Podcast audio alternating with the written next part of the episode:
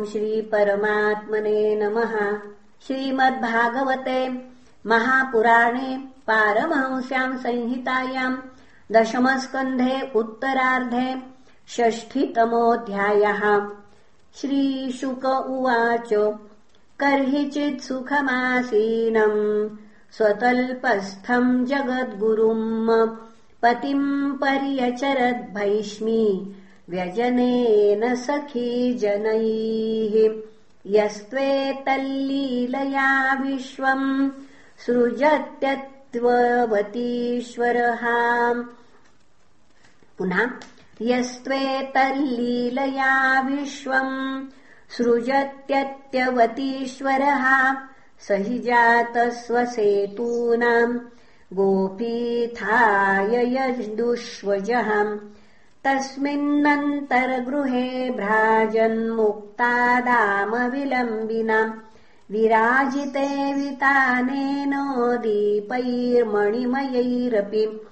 मल्लिकादामभिः पुष्पैर्द्विरेफ कुलनादितैः जालरन्ध्रप्रविष्टैश्च गोभिश्चन्द्रमसोमलैः पारिजातवनामोदवायूनोद्यानशालिना धूपैरगुरुजैराजन् जालरन्ध्रविनिर्गतैः पयःफेननिभे शुभ्रे पर्यङ्के कशिपूत्तमे उपतस्थे सुखासीनम् जगतामीश्वरम् पतिम् ज्वालव्यजनमादाय रत्नदण्डम् सखीकरात् तेन विजयती देवी उपासाञ्चक्र ईश्वरम् सोपाच्युतम् क्वणयती मणिनूपुराभ्याम् रेजेऽङ्गुलीयवलयव्यजनार्ग्रहस्ताम् वस्त्रान्तगूढकुचकुङ्कुमशोणहार भासानितम् बधृतया च परार्ध्यकाञ्चाम् ताम् रूपिणीम् श्रियमनन्यगतिम् निरीक्ष। या लीलया धृततनोरनुरूपरूपाम् प्रीतस्मयन्नलककुण्डलनिष्ककण्ठवक्रोल्लसस्मित सुधाम् हरिराबभाषे श्रीभगवानुवाच। राजपुत्रीप्सिता भूपैर्लोकपालविभूतिभिः महानुभावैः श्रीमद्भिः पुनः महानुभावैः श्रीमद्भिः रूपौदार्यबलोर्जितैः तान् प्राप्तान्नर्थिनो हित्वा चैद्यादीन् स्मरदुर्मदान् दत्ता भ्रात्रा स्वपित्रा च कस्मान्नो ववृषे समान्। राजभ्यो बिभ्यतः सुभ्रूः समुद्रम् शरणम् गतान् बलवद्भिः कृतद्वेषान् प्रायस्त्यक्तनृपासनान् अस्पष्टवर्त्मनाम् पुंसाम् अलोकपथ मीयुषाम् आस्थिताः पदवीम् सुभ्रूः प्रायसीदन्ति योषितः। निष्किञ्चना वयम् शश्वन् निष्किञ्जनजनप्रियाः तस्मात्प्रायेण न ह्याढ्या माम् भजन्ति सुमध्यमे ययोरात्मसमम् वित्तम् जन्मैश्वर्याकृतिर्भवः। तयोर्विवाहो मैत्री च नोत्तमाधमयोः क्वचित्। वैदर्भे तदविज्ञाय त्वया दीर्घसमीक्षया वृता वयम् गुणैर्हीना भिक्षुभिः श्लाघिता मुधा। अथात्मनोऽनुरूपम् वै भजस्व क्षत्रियर्षभम् येन त्वमाशिष सत्या। इहामुत्र च लप्स्यसे। चैद्यशाल्वजरासन्धदन्तवक्त्रादयो नृपाः मम द्विष्यन्ति वामोरु रुक्मी चापि तवाग्रजः। तेषाम् वीर्यमदान्धानाम् दृप्तानाम् स्मयनुत्तये आनीतासि मया भद्रे तेजोपहरता सताम् उदासीना वयम् नूनम् नस्त्र्यपत्यार्थकामुकाः आत्मलब्ध्या स्महे पूर्णा गेहयोर्ज्योतिरक्रियाः। श्रीशुक उवाच एतावदुक्त्वा भगवानात्मानम् वल्लभामिव। मन्यमानामविश्लेषात् तद्दर्पघ्न उपारमत् इति त्रिलोकेशपतेस्तदात्मनः प्रियस्य देव्यश्रुतपूर्वमप्रियम्। आश्रित्य भीतारुरिजातवेपथुर्श्चिन्ताम् दुरन्ताम् रुदती जगामः।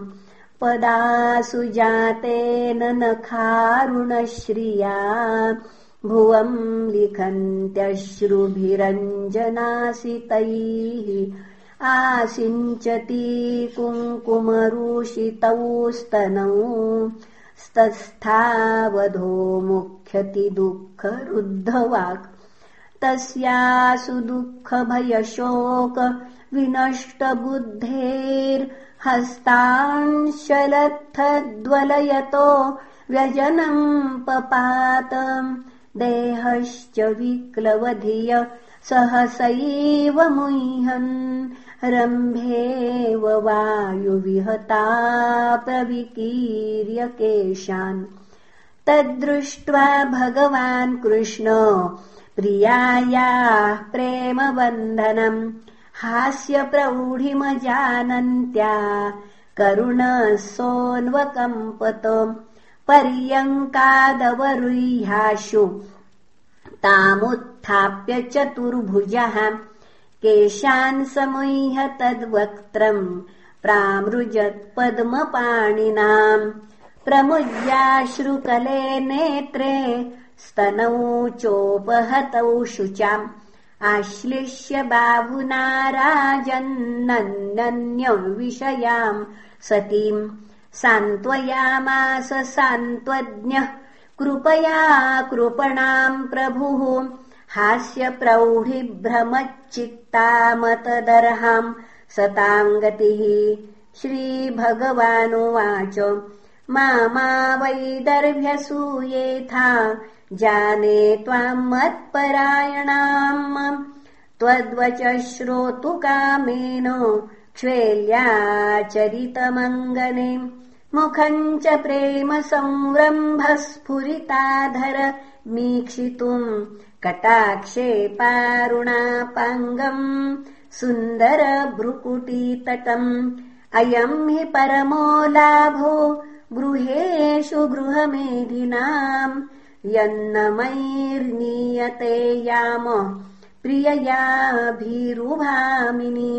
श्रीशुक उवाच सैवम् भगवता राजन्वैदर्भी परिसान्त्विता ज्ञात्वा तत्परिहासोक्तिम् प्रियत्यागभयम् जहौ बभाष ऋषभम् पुंसाम् वीक्षन्ति भगवन्मुखम् सव्रीडहासरुचिर स्निग्धापाङ्गेन भारत।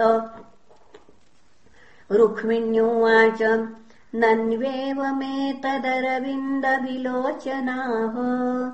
यद्वै भवान् भगवतो सदृशी विभूम्नः। क्व स्वे महिम्यभिरतो भगवांस्त्यधीश। क्वाहम् गुणः प्रकृतिरज्ञगृहीतपादाम् सत्यम् भयादिव गुणेभ्य पुरक्रमान्तः शेते समुद्रमुपलम्भनमात्र आत्मा। नित्यम् कदिन्द्रियगणैकृतविग्रहस्त्वम् त्वत्सेवकैनृपपदम् विधुतम् तमोऽन्धम् त्वत्पादपद्ममकरन्दजुषाम् मुनीनाम् वर्त्मा स्फुटम् नृप शुभिर्ननु दुर्विभाव्यम् यस्मादलौकिकमिवेहितमीश्वरस्य भूमौ स्तवेहितमथो अनुमे भवन्तम् निष्किञ्चनो ननु भवान् न यतोऽसि किञ्चिद्। यस्मै बलिम् बलिभुजोऽपि हरन्तजाद्याः। न त्वाविदन्त्यसुतृपोऽन्तकमाढ्यतान्धाः प्रेष्ठो भवान् बलिभुजामपि तेऽपि तुभ्यम् त्वम् वै समस्तपुरुषार्थमय फलात्मा यद्वाञ्छया सुमतयो विसृजन्ति कृत्स्नम् तेषाम् विभो समुचितो भवतः समाज। पुंसस्त्रियाश्चरतयो सुखदुःखिनोर्न त्वम् न्यस्त्यदण्डमुनिभिर्गदितानुभावो आत्मात्मदश्च जगतामिति वेवृतो पुनः आत्मात्मज पुनः आत्मात्मदश्च जगतामिति मे वृतोऽसि। हित्वा भवद्भ्रुव उदीरित कालवेगध्वस्ताशिशोऽब्ज भवनाकपतीन् कुतोऽन्ये। जाड्यम् वचस्तव गदाग्रज यस्तु भूपान्।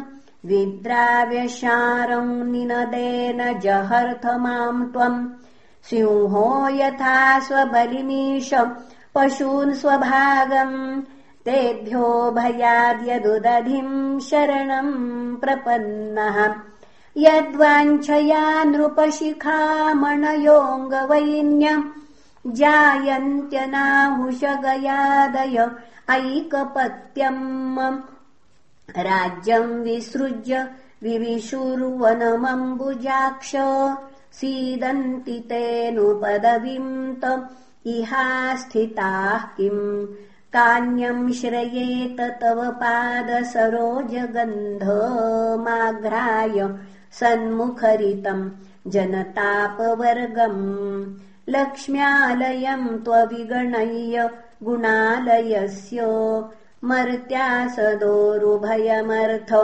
विविक्तदृष्टिः तम् त्वानुरूपमभजम् जगतामधीश मात्मानमत्र च परत्र च कामपूरम् स्यान्मे तवाङ्घ्रिरणम् श्रुतिभिर्भमन्त्याम्। यो वै भजन्तमुपयात्यनुनृतापवर्गहाम्। तस्यास्युरच्युतनृपा भवतोपदिष्टाः। स्त्रीणाम् गृहेषु खरगोष्व बिडालभृत्याः। यत्कर्णमूलमरिकर्षण नोपयायाद युष्मत्कथा मृडगिरिञ्च सभासु गीताम् त्वक्ष्मश्रुरोमनख केशपिनद्धमन्तर्मांस्थास्ति रक्तकृमिविट्कफविपित्तवातम् जीवच्छवम् भजति कान्तमतिर्विमूढा। या ते पदाब्जमकरन्दमजिघ्रति स्त्री अस्त्वम्बुजाक्ष मम ते चरणानुरागो। आत्मन्रतस्य मयि चानतिरिक्तदृष्टेः। यर्ह्यस्य वृद्धय उपात्तरज्योतिमात्रो। मामीक्षसे तदुहनः परमाणुकम्पाम्। नैवालीकमहम् मन्ये वचस्ते मधुसूदन अम्बाया इव हि प्रायः कन्याया स्याद्रतिः क्वचित् व्यूढायाश्चापि पुंश्चल्या मनोभेति नवम् नवम् बुधो सतीम् न बिभ्रूयात् ताम् बिभ्रद्दुभयच्युतः। श्रीभगवानुवाच साध्वेतच्छ्रोतृकामैस्त्वम् राजपुत्रि प्रलम्भिताम् मयोदितम् यदन्वात्थ। सर्वम् तत्सत्यमेव हि। यान् यान् कामयसे कामान् मय्यकामाय भामिनीम्। सन्ति हेकान्तभक्तायास्तव कल्याणि नित्यदाम् उपलब्धम् पतिप्रेम पातिव्रत्यम् च तेन घे यद्वाक्यैश्चाल्यमानाया न धीर्मय्यपकर्षिताम् ये माम् भजन्ति दाम्पत्ये तपसा व्रतचर्यया कामात्मानोपवर्गेशम् मोहिता मम मायया माम् प्राप्यमानिन्यपवर्गसम्पदम्। वाञ्छन्ति ये सम्पद एव तत्पतिम्। ते मन्दभाग्यानिरयेऽपि ये नृणाम्। मात्रात्मकत्वान्निरयः सुसङ्गमहाम् दिष्ट्या गृहेष्वैर्यसकृन्मयि त्वयाम्। कृतानुवृत्तिर्भवमोचनै खलैः सुदुष्करासौ सुतराम् दुराशिषो ह्यसुम्भरायानि कृतिञ्जुषस्त्रियाः न त्वादृशिम् प्रणयिनीम् गृहिणीम् गृहेषु पश्यामि मानिनि यया स्वविवाहकाले प्राप्तान्नृपानवगणय्यरहो हरो मे प्रस्थापितो द्विज उपश्रुतसत्कथस्य भ्रातुर्विरूपकरणम् युधि निर्जितस्य। प्रोद्वाहपर्वणि च तद्वधमक्षगोष्ठ्याम्। दुःखम् समुत्थमसहोऽस्मदयोगभीत्याम् नैवाब्रवीः किमपि तेन वयम् जितास्ते दूतस्त्वयात्मलभने सुविविक्तमन्त्रः प्रस्थापितो मयि चिरायति शून्यमेतत् मत्वा जिहास इदमङ्गमनन्ययोग्यम् तिष्ठेत तत्त्वयि वयम् प्रतिनन्दयामः। श्रीशुक उवाच एवम् सौरतसल्लापैर्भगवान् जगदीश्वरः स्वरतो रमया रेमे नरलोकम् विडम्बयन् तथान्यासामपि विभुर्गृहेषु गृहवानिव आस्थितो गृहमेधीयान् धर्मान् लोकगुरुर्हरिः इति श्रीमद्भागवते महापुराणे पारमहंस्याम् संहितायाम् दशमस्कन्धे उत्तरार्धे कृष्णरुक्मिणीसंवादो नाम षष्ठितमोऽध्यायः। श्रीकृष्णार्पणमस्तु। हरये नमः। हरये नमः। हरये नमः